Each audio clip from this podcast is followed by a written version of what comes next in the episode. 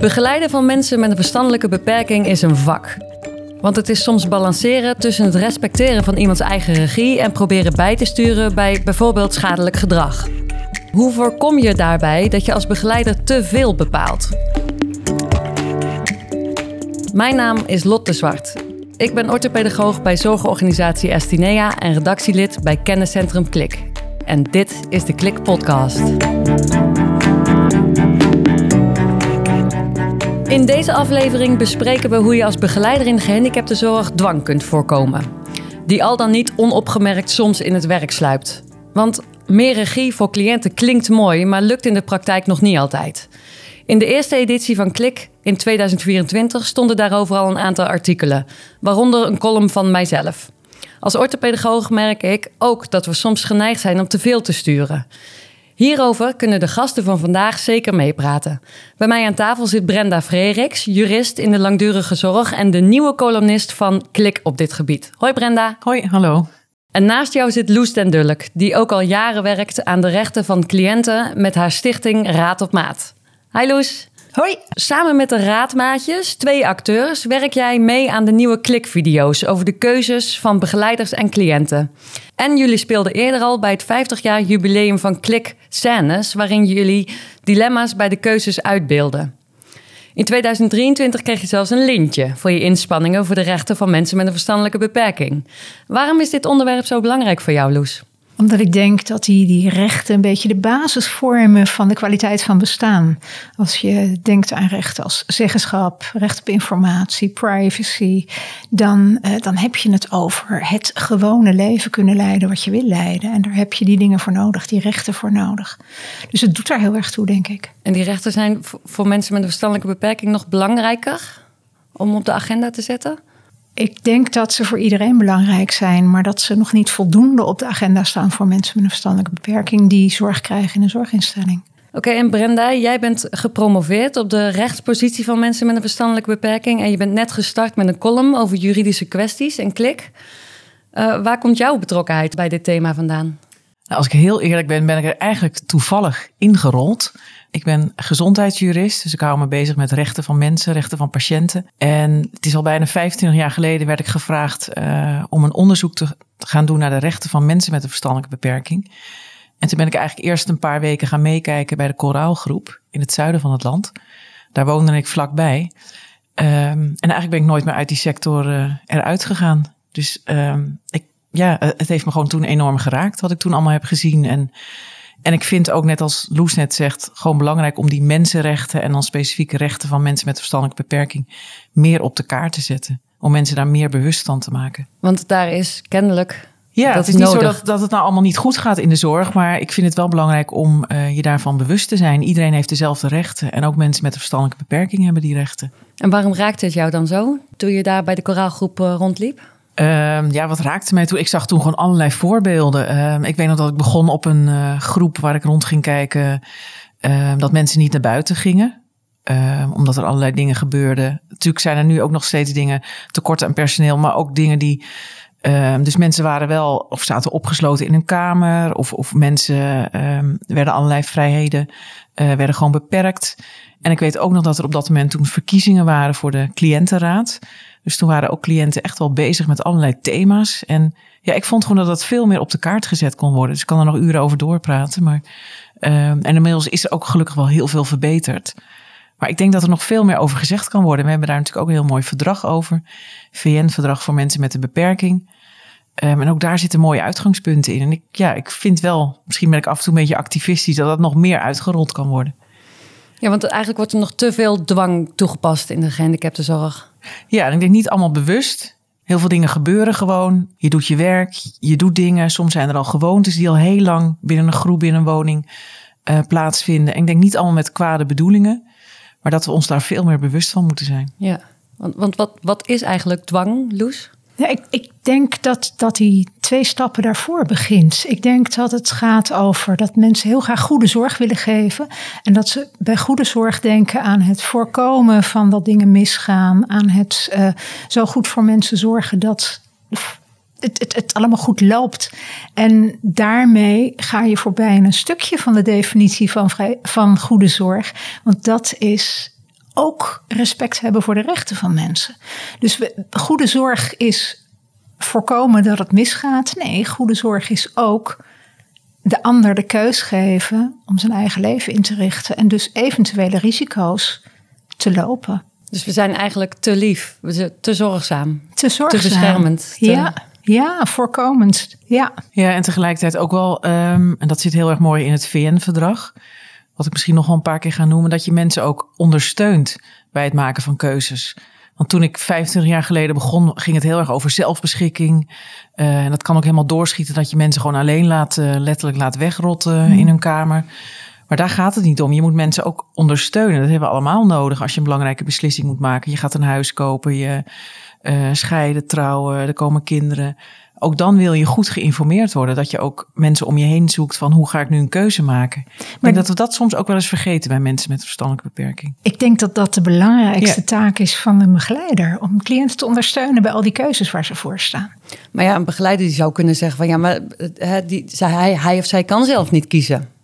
Want hij heeft een verstandelijke beperking. Nee, dus dat moet ik voor hem doen. Hij kan zelf niet kiezen, omdat hij dat nog nooit geleerd heeft. En we weten niet wat hij kan. En pas als je dat gaat uitproberen en gaat kijken hoe ver mensen komen met die keuzes, dan pas kan je op een gegeven moment zeggen: nee, deze keuze is te ingewikkeld.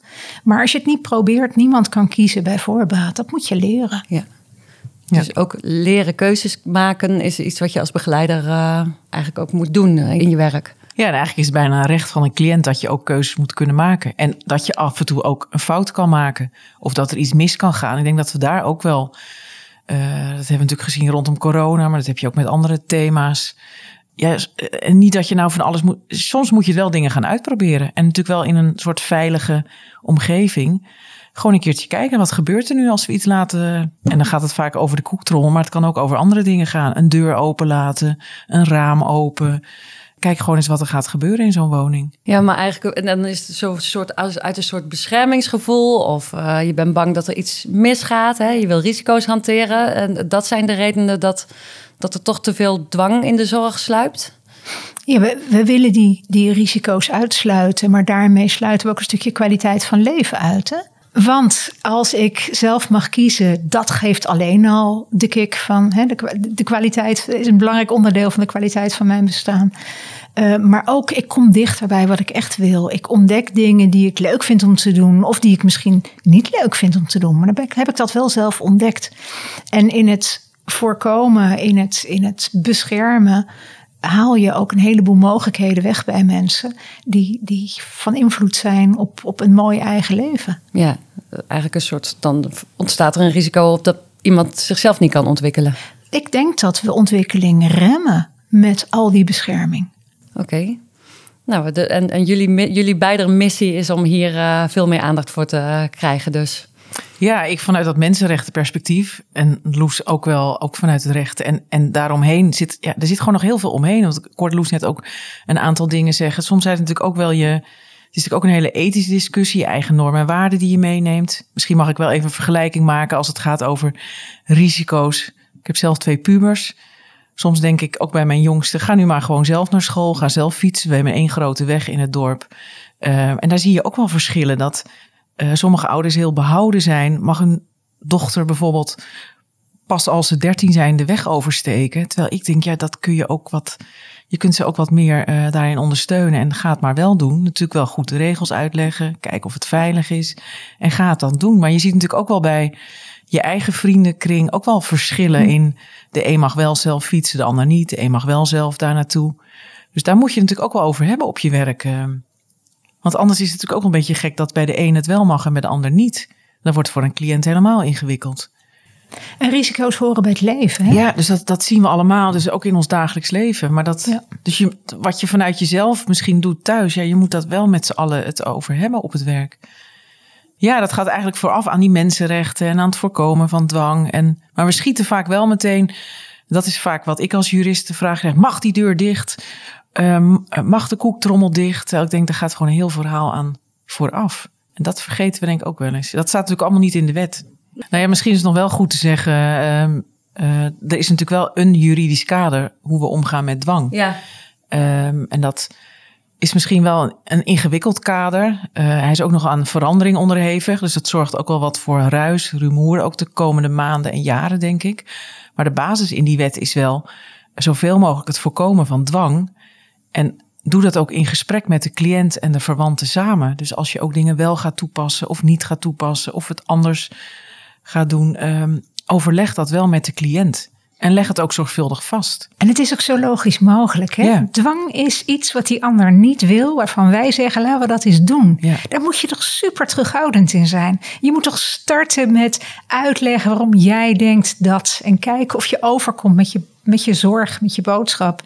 En dat lukt vaak bij cliënten wel als ze de tijd maar nemen voor dat gesprek. Het is ook omdat wij denk wel weten wat goed voor jou is. Ja, en, en, en als we daar nou eens mee stoppen en, en wel ons, onze zorg voorleggen en delen met die cliënt.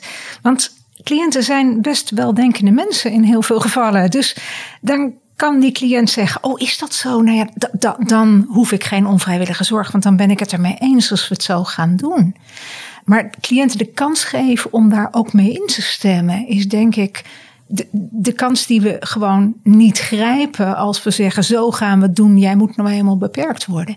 Dwang opleggen aan iemand die dat niet wil. Iemand krijgt dus zorg die die niet wil. Wat moet dat een rotgevoel zijn? Ja. Ja, en daar valt dus ook dingen onder stiekem dingen doen. Dat hoor ik nog wel eens terug. Dan zeggen we het niet tegen de cliënt, maar dan doen we het via een andere weg. Ehm, maar als je dus stiekem doet, ik zag vorige week ook weer een voorbeeld. Uh, meneer die van alles verzamelt. Dus dan komt het moment ook, mag iemand nog thuis blijven wonen of moet iemand toch gedwongen worden opgenomen? Toen las ik wel in de uitspraak, want ik lees dan als jurist veel uitspraken, um, dat het huis dan werd opgeruimd als meneer er niet was. Meneer had autisme, had nog een aantal beperkingen. Uh, maar als het er niet was, werd zijn huis opgeruimd. Nou, je kunt je wel voorstellen wat er dan gebeurt als hij dan wel weer thuis kwam van de dagbesteding of hij deed nog allerlei andere dingen dan was, waren al zijn belangrijke spullen weer weg. Toen dacht ik wel, ja, is dat dan de oplossing uh, als je het achter zijn rug omdoet? Eigenlijk is dat ook dwang. Ja. Want je ontneemt iemand de mogelijkheid om, je, om zich te verzetten. Ja, om er wat van te vinden. Ja. Maar ook, wat moet het verwarrend zijn om thuis te komen en je spullen niet meer te vinden? Ja. Dat, dat, daar raak je toch helemaal gestoord van als je het al niet was. Ja, tenzij je echt dus daar natuurlijk het met elkaar over kan hebben. En dat die meneer zegt, dit is de enige oplossing voor mij. Ik wil het niet zien dit is goed en ik stem daar vrijwillig mee in. Maar goed, zo las ik het niet. Als hij terugkwam, was hij helemaal in de war en begon het eigenlijk weer opnieuw. Ging hij weer verzamelen. Ja, ja, want jij vertelde net dat uh, met de opvoeding, uh, je, je, hebt zelf twee pubers. Ja. Uh, je ziet om je heen dat iedereen er eigenlijk zijn eigen ja. normen en waarden op nahoudt. Ja. Hè? Van wanneer, wanneer laat ik mijn puber zelfstandig een drukke weg oversteken. Uh, voor begeleiders is er de wet. Dus er is een, een soort leidraad waar we dit gesprek langs kunnen voeren met elkaar. Uh, doe jij daar veel een beroep op ook als jij uh, in gesprek bent? Ja, maar ik probeer wel zoveel mogelijk in dat voortraject te blijven, omdat de wet eigenlijk zegt: ga eerst op zoek naar alternatieven. Um, want de wet zegt: we hebben een zorgplan, daarin leg je afspraken vast. En afspraak is dan wel dat je het met elkaar eens bent, dus of met de cliënt of met de familie. En pas als er um, als je er daar niet uitkomt of er gaat echt een ernstig nadeel ontstaan, dan kan het zijn dat je bij dwang uitkomt. Ja, en daar horen wel een aantal stappen bij. Dat je het uitlegt, goed vastlegt en dat je mensen wijst op hun rechten. En daar hoort ook bijvoorbeeld bij um, dat je wel een klacht mag indienen en dat je hulp kan hebben van een cliëntenvertrouwenspersoon.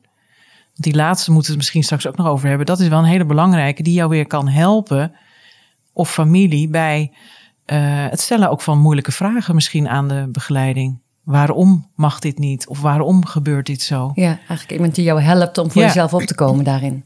Ja, en dat kan soms wel lastig zijn voor uh, uh, begeleiders. Als er dan iemand meekomt met de cliënt die uh, helpt bij het stellen van vragen. Van waarom gaat een deur dicht?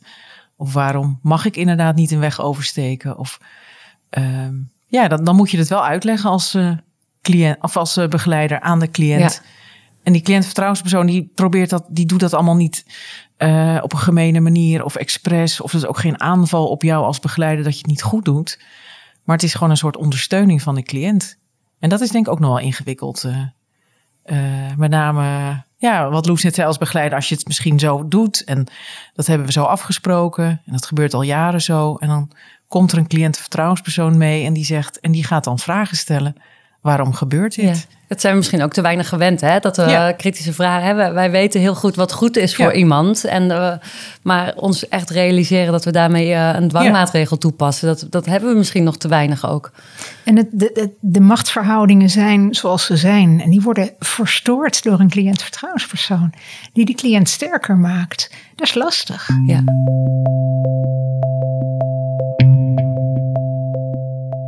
Oké, nou net vertelden jullie over jullie visie op dwang in de zorg en waarom jullie opkomen voor de rechten van mensen met een verstandelijke beperking. Want dwang sluipt dus op vele manieren nog steeds in de zorg. En hoe kun je dit voorkomen?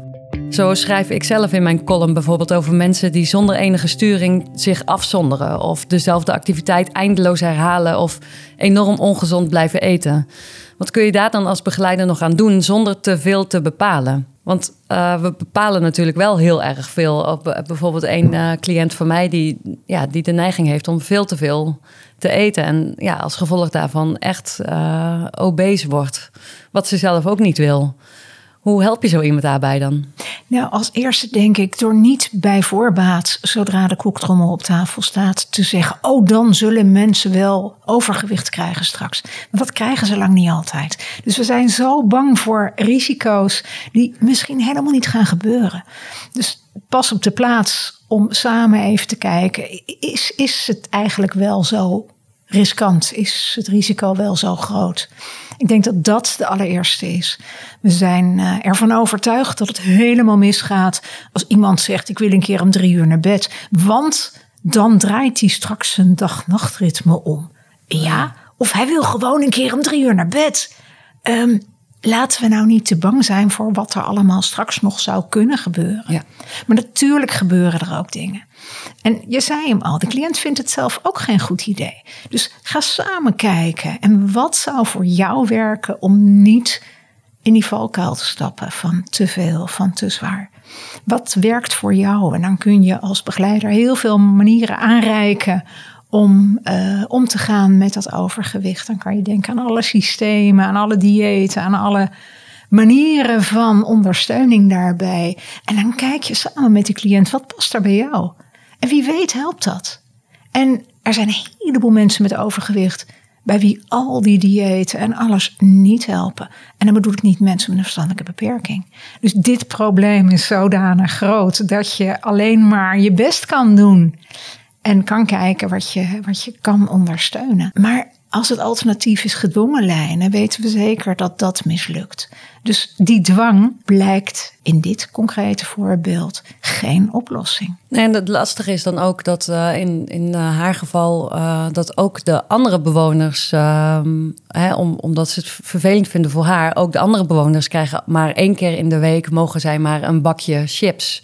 Hè, dat is dan een soort huisregel geworden. Ja, dat kan dus niet. In de huisregels kunnen alleen maar dingen staan voor de veiligheid en de ordelijke gang van zaken. Dus dat je bijvoorbeeld niet uh, na tien uur met elkaar nog op de kamer komt. Uh, dat zou kunnen. Maar goed, als het een groep met jongeren is, zou je kunnen denken, uh, die doen dat nog wel na dat tijdstip. Maar het gaat echt over de ordelijke gang van zaken. Dus er kan bijna heel weinig in die huisregels staan. En dus dit kan daar niet in staan. We eten maar één koekje of we drinken één kopje koffie of één glas cola of één bakje chips. Het doel van het zorgplan is echt dat je individueel gaat kijken, wat heeft iemand nodig? Maar dan, diezelfde regels mogen niet bij iedereen worden opgelegd. Want dan zouden bij iedereen op die woning, in die woning een ernstig nadeel zijn. Maar dan moet het allemaal in het individuele zorgplan staan. En ik snap soms dat het dan makkelijk is om het in de huisregels op te nemen. De deuren gaan dicht, we doen dit, we doen zo. Um, dan heb je het op die manier weggeschreven, maar daar zijn de huisregels niet voor. En ik wilde nog aanhaken op wat Loes net zei. Wat ik nog wel terugkrijg. We hebben natuurlijk ook een preventieakkoord. Uh, dat hebben we landelijk afgesloten. Daar staan ook allerlei dingen in dat we gezonder gaan eten, dat we niet meer roken, dat we uh, minder alcohol gaan drinken. Wat ik soms nu wel van begeleiders terughoor. Ja, maar de, de Nederlandse overheid zegt nu: we mogen niet meer roken, we mogen niet meer drinken, we mogen niet meer ongezond eten. Dan denk ik, ja, daar zit zeker wat in. Dat we dat allemaal moeten doen in het kader van gezonder leven, meer bewegen. Maar je mag dat niet zomaar opleggen omdat het mensen met een verstandelijke beperking zijn.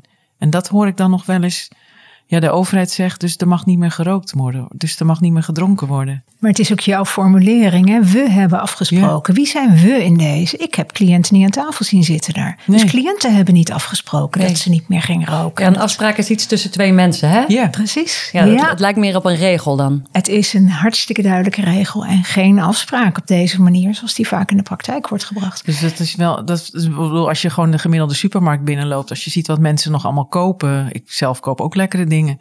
En ik vind het heel goed dat er een preventieakkoord is, dat we de nadruk hebben op gezonder leven, gezond bewegen, dat je dat doet. Maar het schiet wel door dat ik denk, in, met name in de ouderenzorg, verstandelijk gehandicaptenzorg, dus dan mag er helemaal niks meer. Maar daar, dan kom je wel weer uit bij de wet zorg en dwang. Als je echt die dingen gaat verbieden, dan moet je dat zo, volgens de stappen van de wet zorg en dwang doen. Maar zijn we ons daar dan te weinig van bewust? Ja, ik denk het wel.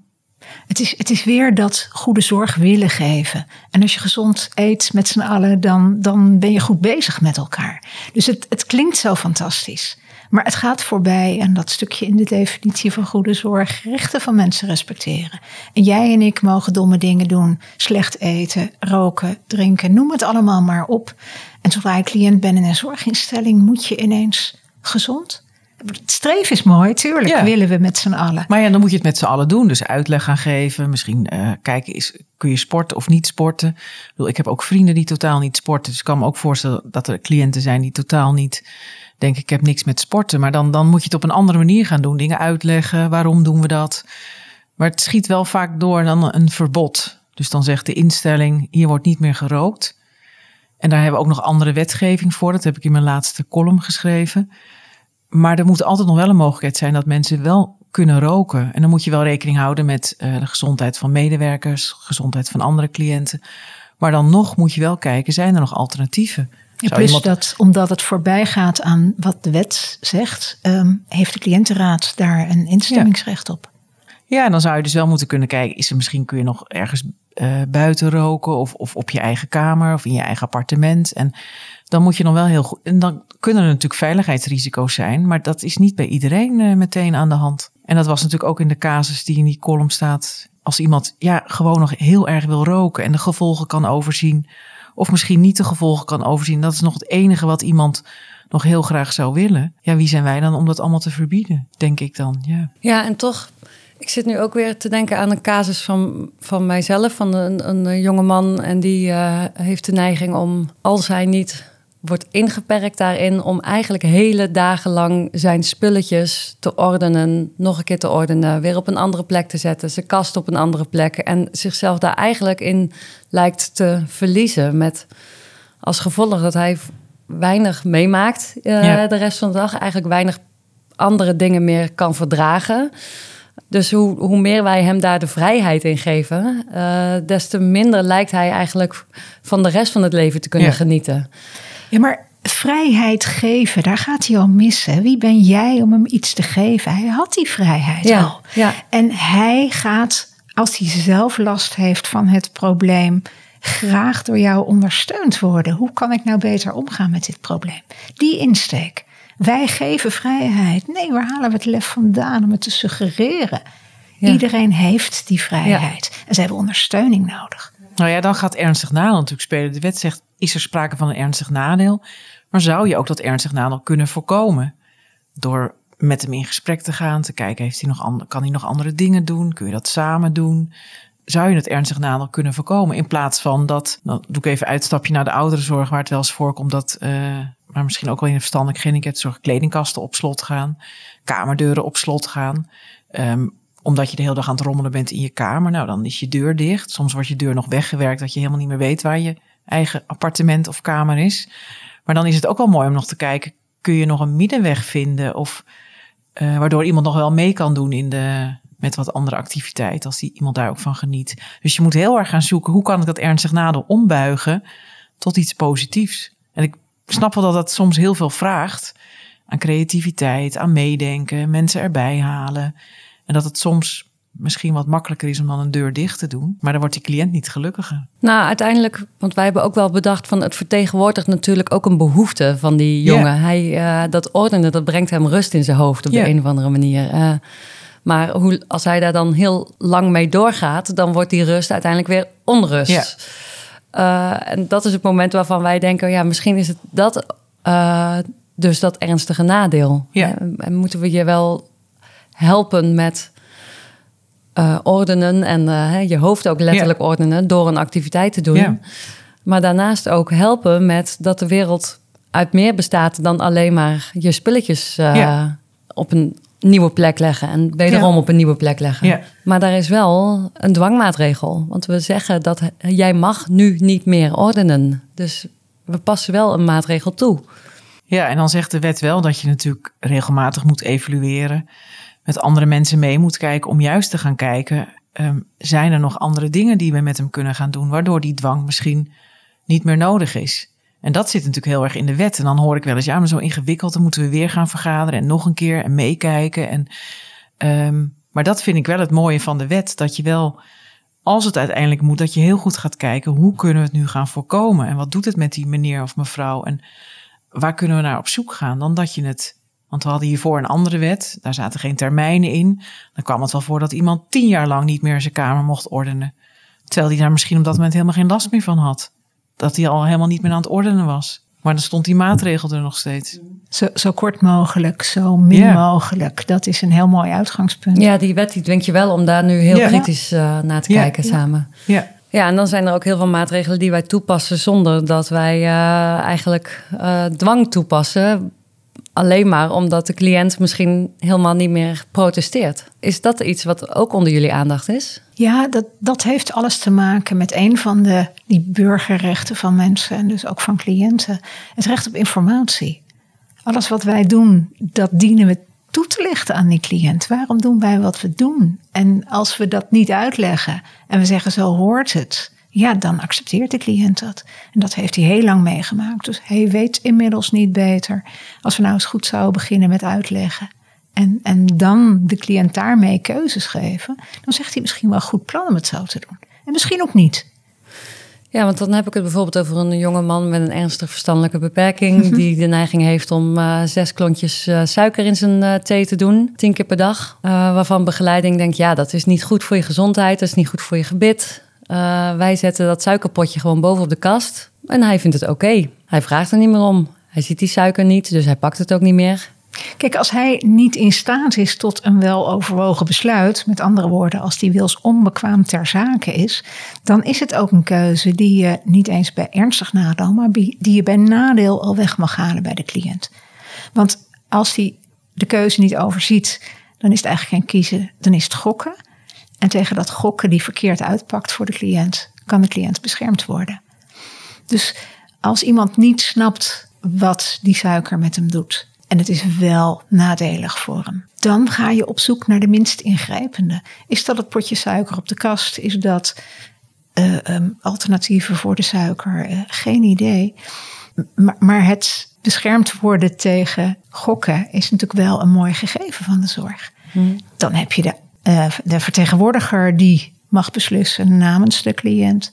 En zo dicht mogelijk bij de wensen van de cliënt blijft als het goed is. Maar um, het, het, het, gaat er niet om dat je als begeleider niks zou mogen in zo'n situatie. Het gaat erom hoe je het aanvliegt. En dan probeer je gewoon in gesprek te gaan met de cliënt en te kijken of hij het wel kan begrijpen. Want misschien met de goede informatie begrijpt hij het. Ja. En als hij het niet begrijpt, ga overleggen met de vertegenwoordiger. Hoe kunnen we de suiker een beetje bij hem weghalen, zodat, nou, wat zijn dan precies die nadelen? En zitten die in hoeveelheid suiker of in de frequentie of in de slechte zorg daarna of geen idee? Met gesprek aangaan. Daar gaat hij steeds weer om, denk ja, ik. En ook met collega's. En met collega's, want ik ben hartstikke anti-suiker. Dus ik vind dat eerste klontje al heel erg. Maar mijn collega zegt, doe niet zo gek. Ik neem iedere dag vier scheppen suiker en dat gaat ook prima. Dus ja, heb het erover. Niet je eigen normen en waarden. Je noemde hem net al, uh, Brenda. Maar uh, probeer bij de cliënt in de buurt te komen. Wat zijn zijn normen en waarden? Zijn beelden, zijn ideeën. Mm-hmm. En ook kijken wat het met hem doet. Uh, als, ja, als iemand nog totaal dan niet meer gaat drinken. Maar goed, dan moet je ook weer naar alternatieven op zoek gaan. En het niet als norm, denk ik, voor alle cliënten dan doen. Dat hoorde ik jou net ook al zeggen. Dat zie je natuurlijk ook nog wel eens. maar dat zijn meer dan is iedereen zich nog niet zo bewust, denk ik, van dwang en, en wat er opgelegd wordt. Je hebt natuurlijk ook nog drang, dat je iemand nog wel een keuze laat. Uh, maar ik denk dat heel veel dingen ja, onbewust gebeuren. Dus de koffie klaarzetten, het brood klaarzetten. Uh, terwijl het ook een keer leuk kan zijn om alles gewoon op tafel te zetten en laat mensen kiezen wat ze op een brood nemen. Ja, doe eens spontaan. Ja, ja. Of doe de deur inderdaad open of de tuindeuren. Of, uh, uh, en wat ik dan terughoor van behandelaren, niet, wat ik net al zei, niet iedereen loopt weg. En soms gaat iemand misschien wel wat verder weg. Uh, maar ja, ook dan is het wel eens interessant om te kijken wat gebeurt er.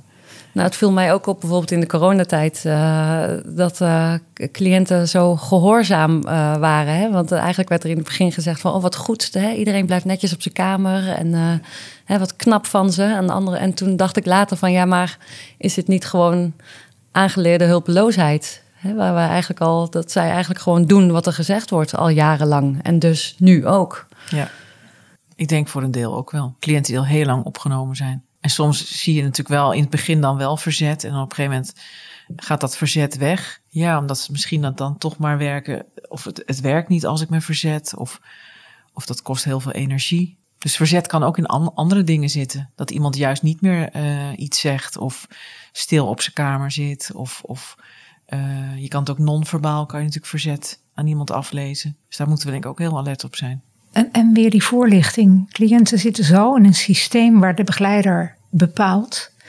En dat, daar, daar zijn ze zich niet van bewust. Ik vroeg bij een cliënt: Is het goed als ik morgenavond een bakkie kom doen? Toen zei hij: Ik zal het even aan de begeleider vragen. Ja. En toen zei ik: Hoezo? Nou, tuurlijk. Ik moet toch eventjes vragen of dat goed is. Dat zit zo ingebakken. En nog steeds zelfs mensen hè, die ook vragen: Mag ik naar de wc? En dat, dat, dat maakt je zo afhankelijk. Maar hoe kun je dan als begeleider ook dat stukje emancipatie weer op gang brengen? Door je daar als eerste bewust van te worden. Op het moment dat jij ja zegt op de vraag: mag ik naar de wc? houden we het systeem met elkaar in stand. Het klinkt wel aardig, maar je houdt het systeem in stand. En pas als je helder maakt voor die cliënt dat hij dat niet hoeft te vragen. Hè, mijn manier is om dan te zeggen: nee, je mag niet. Waarop die ander verontwaardigd zegt: ja, maar ik moet. Ja, als je mij de macht geeft, dan ga ik hem gebruiken. Nou, andere woorden bij cliënten natuurlijk. Maar dat, dat is waar die over moet gaan. Wij moeten ons meer bewust worden van die macht. En als wij hem bewust zijn, dan kunnen we hem bespreekbaar maken. En als je het daarover hebt, dan zeggen cliënten: ja, dat is eigenlijk wel raar dat ik daar toestemming voor vraag. Ja, dat is zo mooi van die cliëntenvertrouwenspersonen. Daar hadden we het net al over. Dat is iemand van buiten de instelling. Dus er zijn nu vier aanbieders die uh, cliëntenvertrouwenspersonen opleiden. Dus die zijn van buiten de instelling. Het is eigenlijk de taak van de instelling om uh, cliënten te wijzen op de cliëntenvertrouwenspersoon. Dus het moet ook zichtbaar zijn op de website, maar ook in de verschillende woningen. Um, en die cliëntenvertrouwenspersoon moet ook toegang hebben. Daar gaat het soms ook nog wel eens mis. Dat een, uh, een, manager zegt, dat komt nu even niet uit. de cliëntenvertrouwenspersoon mag alleen maar dan en dan langskomen. Maar als je weer naar de wet kijkt, de cliëntvertrouwenspersoon heeft altijd toegang. En je hoeft ook niet toestemming te vragen als cliënt om met een cliëntvertrouwenspersoon te gaan bellen of uh, daarmee uh, een gesprek aan te gaan. Ook niet van je vertegenwoordiger. Dus daar is denk ik ook nog wel heel veel winst te halen. Ik bedoel, ook dat ze binnen mogen komen. Um, en ik denk ook als begeleider nodig gewoon een keer een cliëntvertrouwenspersoon uit. Uh, ik ga zelf ook wel eens op in, bij woningen kijken. Dan zie je heel veel altijd. Als je daar gewoon eens een uurtje gaat zitten. Ja, die houden je scherp. Ja, dus als begeleider ook wel eens een goede tip om gewoon eens uh, bij een andere woning, uh, als je daar tijd voor hebt, een uurtje te gaan zitten. En dan zie je heel veel dingen dat je denkt, oh, hier doen ze het eigenlijk op een hele andere manier. Uh, of waarom doen ze dat eigenlijk hier zo? Ja, een stukje bewustwording voor begeleiders. Als, als ja. stagiaires komen, leer je daar natuurlijk ook enorm veel ja, van. Ja. Maar dat is ook bij een cliëntvertrouwenspersoon. Ja, die kan soms wel even een, een vraag stellen. En die helpt cliënten om wat een beetje voor zichzelf op te komen. Ja. Om ook bewust te zijn van je eigen rechten eigenlijk. Je Ja. hoeft niet te vragen om naar het toilet te gaan. Ja, ik denk al in het gesprek of dat je dan al achter dingen komt. Of als een cliënt bepaalde dingen vertelt. Um, en nogmaals, het, het hoeft niet allemaal verkeerd te zijn. Um, soms kan uitleg ook goed zijn waarom dingen gebeuren. Ja, en soms zijn er misschien wel alternatieven, kan het wel op een andere manier. Ja, maar ik denk ook die uitleg, dat, dat als we daar even goed bij stilstaan en die cliënt goed proberen uit te leggen waarom we doen wat we doen, dan zal de helft van de cliënten zeggen een goed plan. Alleen als we die vraag, of als we die informatie überhaupt niet geven, dan is die cliënt een beetje ontevreden dat het gaat zoals het gaat. Nou ja, en een belangrijke, we hadden net over afspraak is afspraak. Je kunt ook weer terugkomen op je afspraken. Dus wat ik soms wel eens in, in zorgplannen dan zie, we hebben inderdaad afgesproken. Maar goed, als die cliënt op enig moment denkt, ja, maar ik wil nu wel naar mijn vriend of vriendin, of ik wil wel naar buiten, of ik wil wel iets doen. Ja, dan moet je weer opnieuw naar die afspraken kijken. Misschien moeten de afspraken bijgesteld worden. Misschien heeft, is de cliënt ouder geworden, of misschien gaat het wel minder goed met een cliënt, waardoor je dingen weer moet gaan bijstellen. En als dat niet met de cliënt lukt, dan moet er ook de vertegenwoordiger bijgehaald worden. Of de cliënt vertrouwenspersoon. Ja, en de cliëntvertrouwenspersoon kan dan weer ondersteunen, inderdaad. Uh, uh, samen met de vertegenwoordiger naar een gesprek gaan. De, de cliëntvertrouwenspersoon gaat niet over de inhoud, hè? Die, nee. die geeft procesondersteuning. Ja. Dus okay. die ja. helpt dat goede gesprek op gang ja, ja. brengen. Ja. dus je gaat niet als zorgverlener zelf naar de cliëntvertrouwenspersoon, maar je kan wel tegen de vertegenwoordiger zeggen: uh, Nou, je mag de cliëntvertrouwenspersoon meenemen naar een zorgplanbespreking. Of als we het weer gaan hebben over onvrijwillige zorg. Dus dan kan de cliëntvertrouwenspersoon naast de vertegenwoordiger gaan staan. Als de cliënt uh, wilsonbekwaam ter zake is. En die kan dan, dan kan je samen een gesprek voorbereiden. Samen vragen formuleren aan de zorgverlener.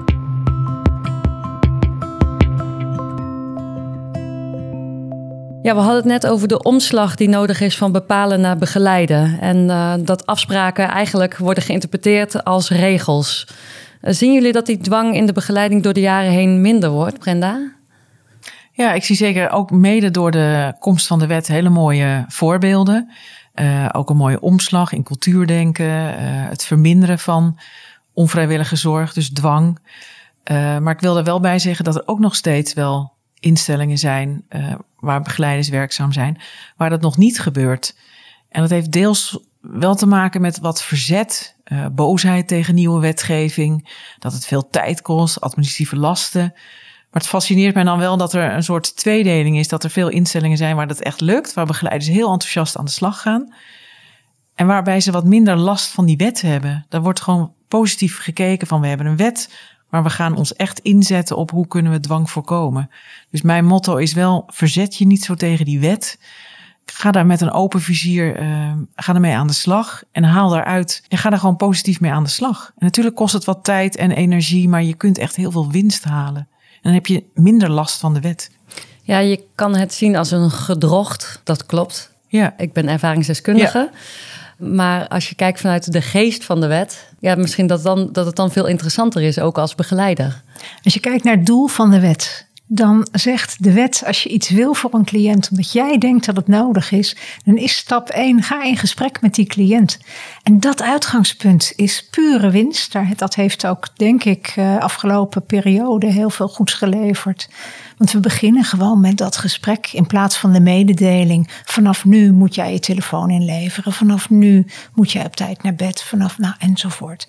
Als je begint met dat gesprek, dan zie je de mooie dingen van de wet. En dat is dat onvrijwillige zorg voorkomen kan worden. Dat die dwang voorkomen kan worden. Het is echt een houding, hè? Ja. En dan heb je er ook minder last van. Dan hoef je minder stappenplannen in te vullen, leg ik dan uit. Want dan zit je heel erg in dat voortraject. Uh, dan ga je ook creatief nadenken. En dan wordt het volgens mij ook heel erg leuk voor begeleiders.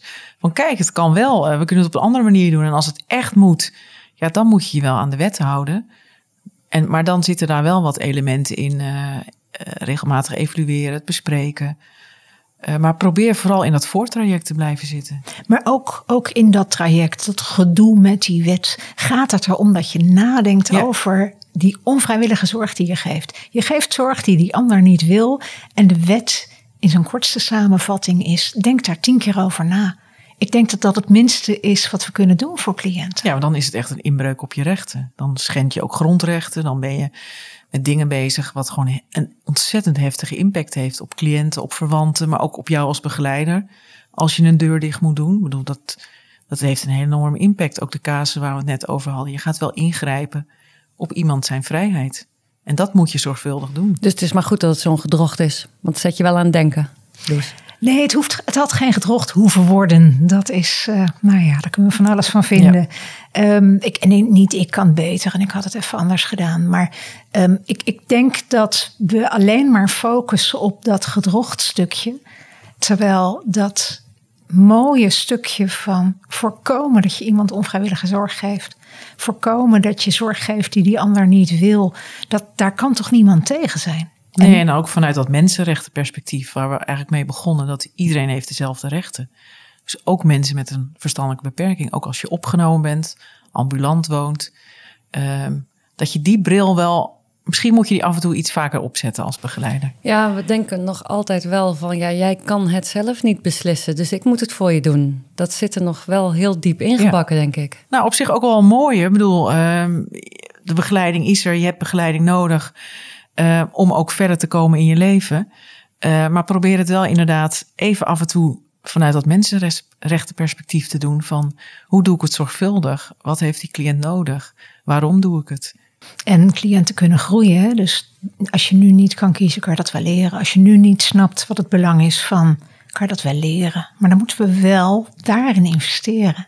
En niet dingen op gaan leggen aan mensen, want dan kweek je verzet. Dat was ook de, de ondertitel van mijn proefschrift. Zo begonnen we het ook, recht op ontplooiing. Alle cliënten hebben recht op ontplooiing. Ja, en fouten maken. Ja. Risico's nemen. Ja. Dingen doen waar ik het misschien niet mee eens ben. Ja. Die laatste is wel lastig. Ja, snap ik. Nou, dit was een mooie samenvatting van ons gesprek. En uh, hiermee zijn we aan het einde gekomen van deze podcast. Dank jullie wel, Loes en Brenda. Graag gedaan. Ja, graag gedaan. Op onze website klik.org vind je als je zoekt op rechten en dwang meer artikelen over dit thema. Abonneer je op de Klik Podcast om op de hoogte te blijven van nieuwe afleveringen. En vergeet niet om een review achter te laten via je favoriete podcast-app. Je kunt ook je ideeën en reacties mailen naar redactie.klik.org. Want wij zijn natuurlijk ook heel benieuwd wat jij ervan vindt. Bedankt voor het luisteren en graag tot de volgende keer.